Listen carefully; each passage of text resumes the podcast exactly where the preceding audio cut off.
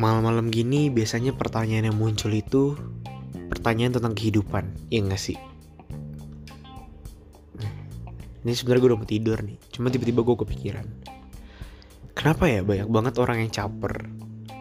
Kenapa banyak banget orang yang mencari uh, pengakuan dari orang lain? Setelah gue pikir-pikir, ternyata setiap orang emang pasti kayak gitu. Contohnya gue pas SD. Gue pas SD adalah sosok yang bullyable banget sih. Gue kayak kayak bakso kecil bulat gitu kan. Kayak Russell yang di film Up. Terus pipi gue gede banget gue pendek. Gue main futsal juga nggak bisa karena gue gendut gue pasti posisinya jadi back. Main basket juga nggak ngerti pas SD gue bingung gue pengen dikenal sebagai Joshua siapa.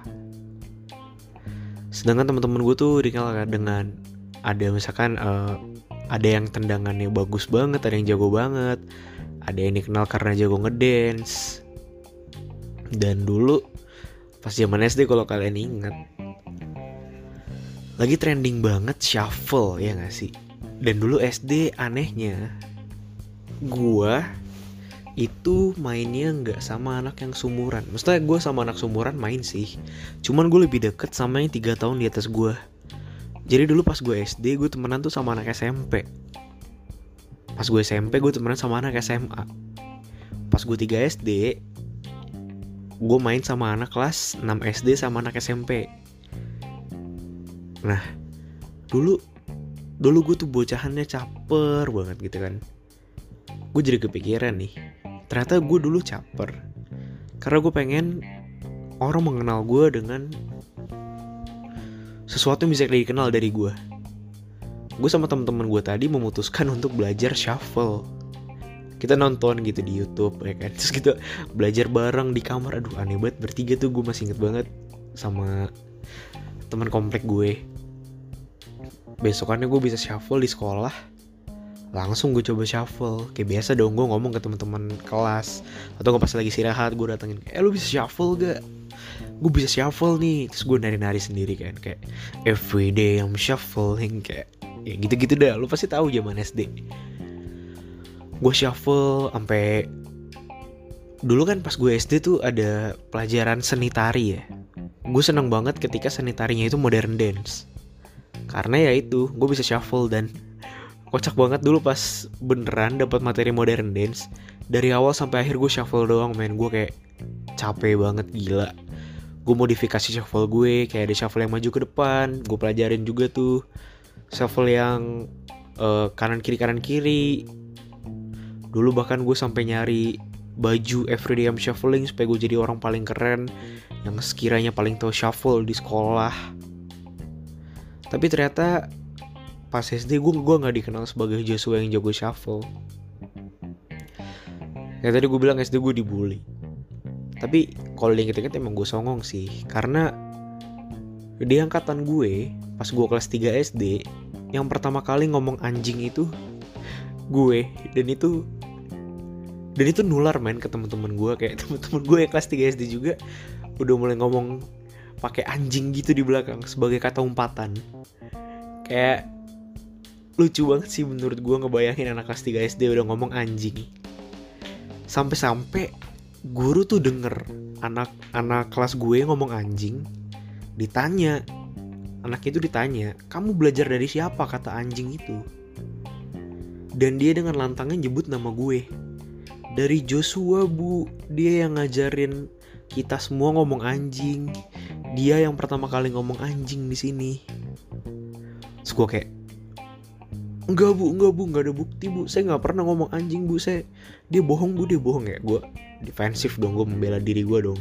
Tapi untungnya nggak jadi kasus sih karena emang nggak ada buktinya juga. Akhirnya perjalanan ke kelas 4 ke kelas 4 gue mulai ikut teater karena karena gue ngerasa gue bisa acting gitu kan.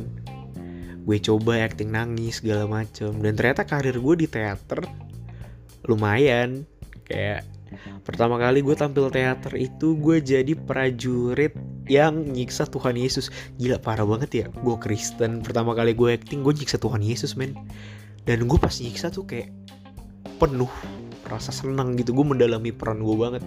Pas nyambuk gue beneran kayak pura-pura nyambuk kenceng kena badan. Padahal sebenarnya uh, ngarahinnya ke tanah juga kan. Kayak supaya bunyi petak petak gitu kan karir gue pas SD berjalan sebagai aktor terus uh, berjalan beberapa drama gue jalanin ngafalin skrip segala macam latihan sama Bu Eka gue inget banget guru SD gue dia salah satu orang yang mengubah hidup gue juga sih dari teater itu. Dan turns out gue dikenal sebagai Joshua yang gak tau malu karena karena gue disuruh ngapain aja mau gitu dulu kayak nggak ada urat malu sama sekali. Dan setelah dipikir-pikir gue mulai ngerasa nyaman dengan nama Joshua nggak tau malu itu. Sebenarnya nggak semua orang manggil gue Joshua nggak tau malu sih. Cuman gue tuh dikenal sebagai gue yang disuruh ngapain aja tuh mau gitu. Nggak ada rasa malunya kayak pede banget aja gitu kayak kayak gue nggak peduli sama pemikiran-pemikiran orang. Jadi setelah gue pikir-pikir gue ngelakuin itu supaya gue dapet pengakuan. Gue enjoy. Tapi akhirnya karena gue melakuin itu semua gue kayak ngerasa gue nggak dapet respect gitu loh. Karena orang jadinya ngiranya kayak gue nih dikata-katain nggak apa-apa. Gue nih kayak orang yang diem-diem aja, slow-slow aja. Dan itu yang mulai mengganggu gue. Kayak setiap orang mikir kalau dia ngatain gue, gue bakal fine-fine aja gitu kan. Mental anak SD. Padahal sebenarnya enggak. Dulu tuh gue dikata-katain sampai mereka bikin apa uh, jempol-jempolan sendiri gitu loh karena gue gendut. Mereka kalau gue lewat mereka tuh selalu ngangkat jempol mereka terus mereka bilang si gendut lewat si gendut lewat. Anjir lucu banget kalau diinget-inget ya. Tapi dulu gue pas SD itu gue sakit hati banget men. Parah. Gue duduk kayak kan pas di toilet tuh lagi dulu tau lah di toilet tuh tempat salah satu tempat paling enak buat mikir kan.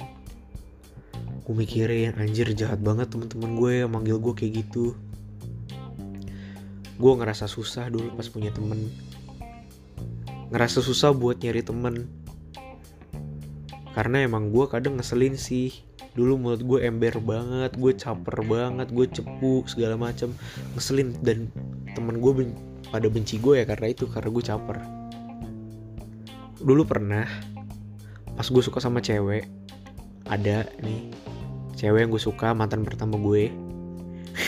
Aneh banget ya kelas 4 pas kelas 4 dia digebet sama anak kelas 5 dan mereka deket. Dan anak kelas 5 ini pengen nembak dia di aula sekolah gue. Gue dengar beritanya. Karena gue suka sama nih cewek gue dateng dong. Gue pengen lihat prosesi dia nembak gimana. Jujur waktu itu gue lagi suka banget sama nih cewek kan. Terus nih cowok yang pengen nembak dia dateng sosok ngajak ngobrol gitu lah. Lu tau lah anak SD nya kayak kayak yang susah sih di, deskripsiin kalau lewat podcast. Jadi kayak uh, sosok datengin ceweknya gitu kan sama temen-temennya. Didatengin lah nih cewek yang gue suka. Uh, sebut saja inisialnya A. Ya kan? Dia Aula nih. Inget banget gue Aula merah lagi di deket tangga. Gue dulu bocahan inget ya gue dulu bocahannya sangat-sangat caper. Ketika nih cowok menembak cewek yang gue suka dengan bodohnya gue nyiram kepala gue sendiri pakai air dari botol yang gue pegang di tangan gue kayak out of nowhere gue pengen dapat perhatian nih cewek dengan cara yang sangat goblok yaitu dengan nyiram air yang ada di botol men. Yang ada di botol yang gue pegang gue siram ke kepala gue tapi ternyata setelah gue ngelakuin itu tuh gak ada dampaknya sama sekali dan gue ngerasa gue jadi cowok paling bodoh. Di tempat itu kelas 4 SD gue nyirem kepala gue sendiri pakai air supaya dapetin perhatian tuh cewek doang. Supaya itu cewek nggak nanggepin cowok yang menembak dia. So kayak what the fuck man? Dia tetap gak notice gue secaper itu gue gimana orang-orang gak benci gue dulu pas SD ya so gue kayak damn nih cewek masih gak notice gue juga. Padahal gue udah suka banget sama dia. Dan akhirnya nembaknya tetap berlangsung dan mereka jadian. Sejak itu gue sedih banget gue galau gue benci sama tuh cowok anjir. Ya ampun pemikiran SD lo kelas 4 ya Allah. Hancur banget kayak gue SD ya cowok banget. Itu gue pikir-pikir orang tuh kadang rela gitu loh ngelakuin apa pun supaya dia dapat pengakuan. Dan jujur uh, apresiasi dari orang itu emang kadang dibutuhin. Tapi kadang kita membutuhkannya itu terlalu ekstrim.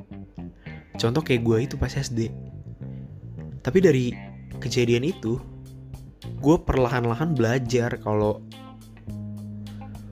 kalau yang lo butuh tuh bu sebenarnya bukan pengakuan tapi kayak lo butuh respect orang terhadap lo aja supaya orang gak nganggep lo rendah.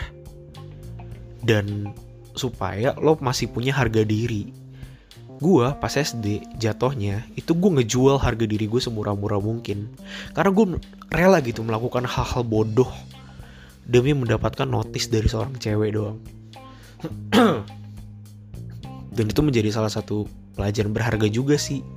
Yang bikin gue sadar ya gue pantas dibully dulu ya pantas lah orang ngebully gue gue kalau ngeliat diri gue kayak gitu juga bakal gue bully anjir pas SD ya tapi setelah udah mulai mendekati umur 20-an ini ya pola pikir pasti berubah lah.